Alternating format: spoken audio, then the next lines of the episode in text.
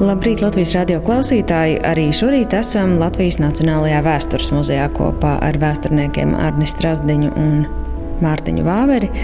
Un ceturtais šīs nedēļas Latvijas kara ordeņa stāsts ir par Pēteri Apkalnu, vienīgo mācītāju, kurš ir apbalvots ar šo ordeni. Sakiet, kā viņš nonāca vispār frontē un kāds bija viņa devums? Arni. Um, Pēters Apkalns sākotnēji pēc studiju beigām Tērbatas universitātē kļuva par uh, cēsu lauku draugu mācītāju. Tur viņš arī tika iesvētīts, ordinēts. Taču 1916. gadā, jau Pirmā pasaules kara gados, uh, pirmā Daugogrības strēlnieku pulka vadība aicināja Pēteri Apkalnu kļūt par šī Daugogrības strēlnieku pulka mācītāju, garīgā atbalsta sniedzēju karavīriem, jo nav noslēpums, ka domāja ne tikai par to, lai karavīrs būtu paēdis, padzēris, apģērbts, bet arī par to, lai viņš būtu psiholoģiski un morāli gatavs karot, lai viņš būtu arī nu, teiksim, tā, spētu pieņemt arī šo nāves tūmu. Ja 1916. gada aprīlī Pētera apkalnu uzrunāja sākotnēji šis pirmais Dogogrijas latviešu strelnieku pulks, tad dažus mēnešus vēlāk Pētera apkalnu uzrunāja arī pārējie latviešu strelnieku bataljoni, aicinot viņu kļūt kopīgi par visu latviešu strelnieku bataljonu, kara mācītāju, jeb kapelānu. Un eh, tajā laikā, 16. gadā, presē rakstīja apmēram šādi. Tātad Pēters Apkalns ir nozvērinājis gan visus latviešu strēlniekus, pavadot bataljonu uz cīņu, apmācību vietām un pat pozīcijās. Viņš ir atstājis savu draugu un atnācis uz karalauku, kur viņam jauna draudzene, vairāki desmit tūkstoši jaunu dvēseli. Tā un līdzīgi rakstīja 1916. gadā, oktobrī, kad Pēters Apkalns kļuva par strēlnieku bataljonu kapelānu karalauku mācītāju. Jā, un Pēters Apkalns īstenībā ir vienīgais Latvijas kordeņa kavalieris, kurš savu ordeņa zīmi nesāja ievērojami citādāk nekā tradicionāli pierasts. Jo viņš ir mācītājs, un tradīcija ir tāda, ka mācītāji ordeni pie krūts kā citu ordeņu kalni nepiesprauž. Bet uh, viņi ordeņus nesā iekārtus lentē pār savu talāru. Kas ir interesanti, tad uh, apkauns apbalvots ir 26. gadā, bet lēmumu, kā nesāt ordeni, uh, ordeņa doma atstāja augstākās garīdzniecības uh, rokās.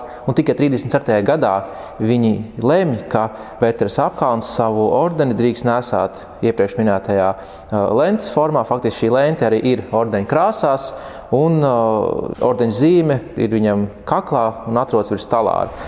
Jā, tās vienīgās fotogrāfijas, kas arī saglabājušās mūsu muzejā, un kur redzams, Pēters apkalns tieši ir ar to, ka viņš ir redzams savā talārā un ordeņa lenta ir ap kaklu. Līdzīgi kā varbūt otrā šķiras ordeņa kavalēriem, kas tieši nesā šo ordeņa zīmi, pašu ordeni ap kaklu apliktu.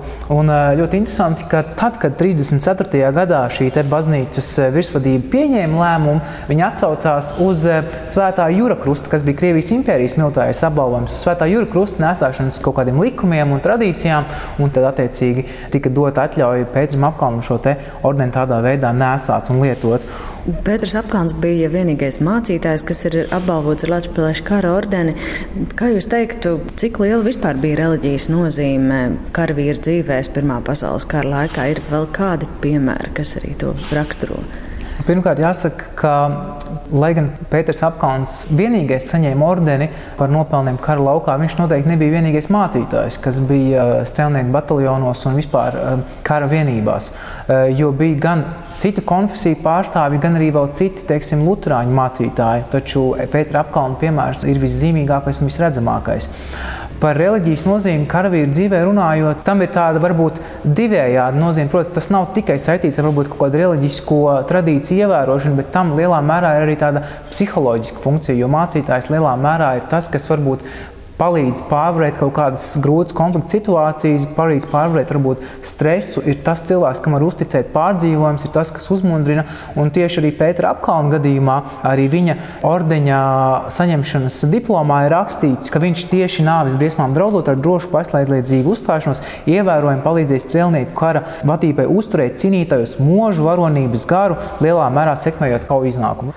Līdzīgi piemēri arī ir protams, Pirmajā pasaules karā rietumfrontēs, kur mācītāji ieņem arī pietiekami būtisku un redzamu stāvokli konkrētajās militārajās vienībās. Un, ja mēs paskatāmies vēsturiskās fotogrāfijas, mēs redzam to, ka gan pirms kaujām, gan pēc kaujām mēdz būt gadījumi, kad mācītājs priekšā lasa kādu sprediķi un apkārt karavīru klāsts ir ļoti, ļoti ievērojams. Un tas uzreiz, protams, nenozīmē, ka visi ir ticīgi, bet, kā Arnēs arī minēja, ka viņam ir tā funkcija, kas tam karavīram ļauj justies saprastam, ka viņam ir kāda atbalsta persona, uz kuru viņš var paļauties.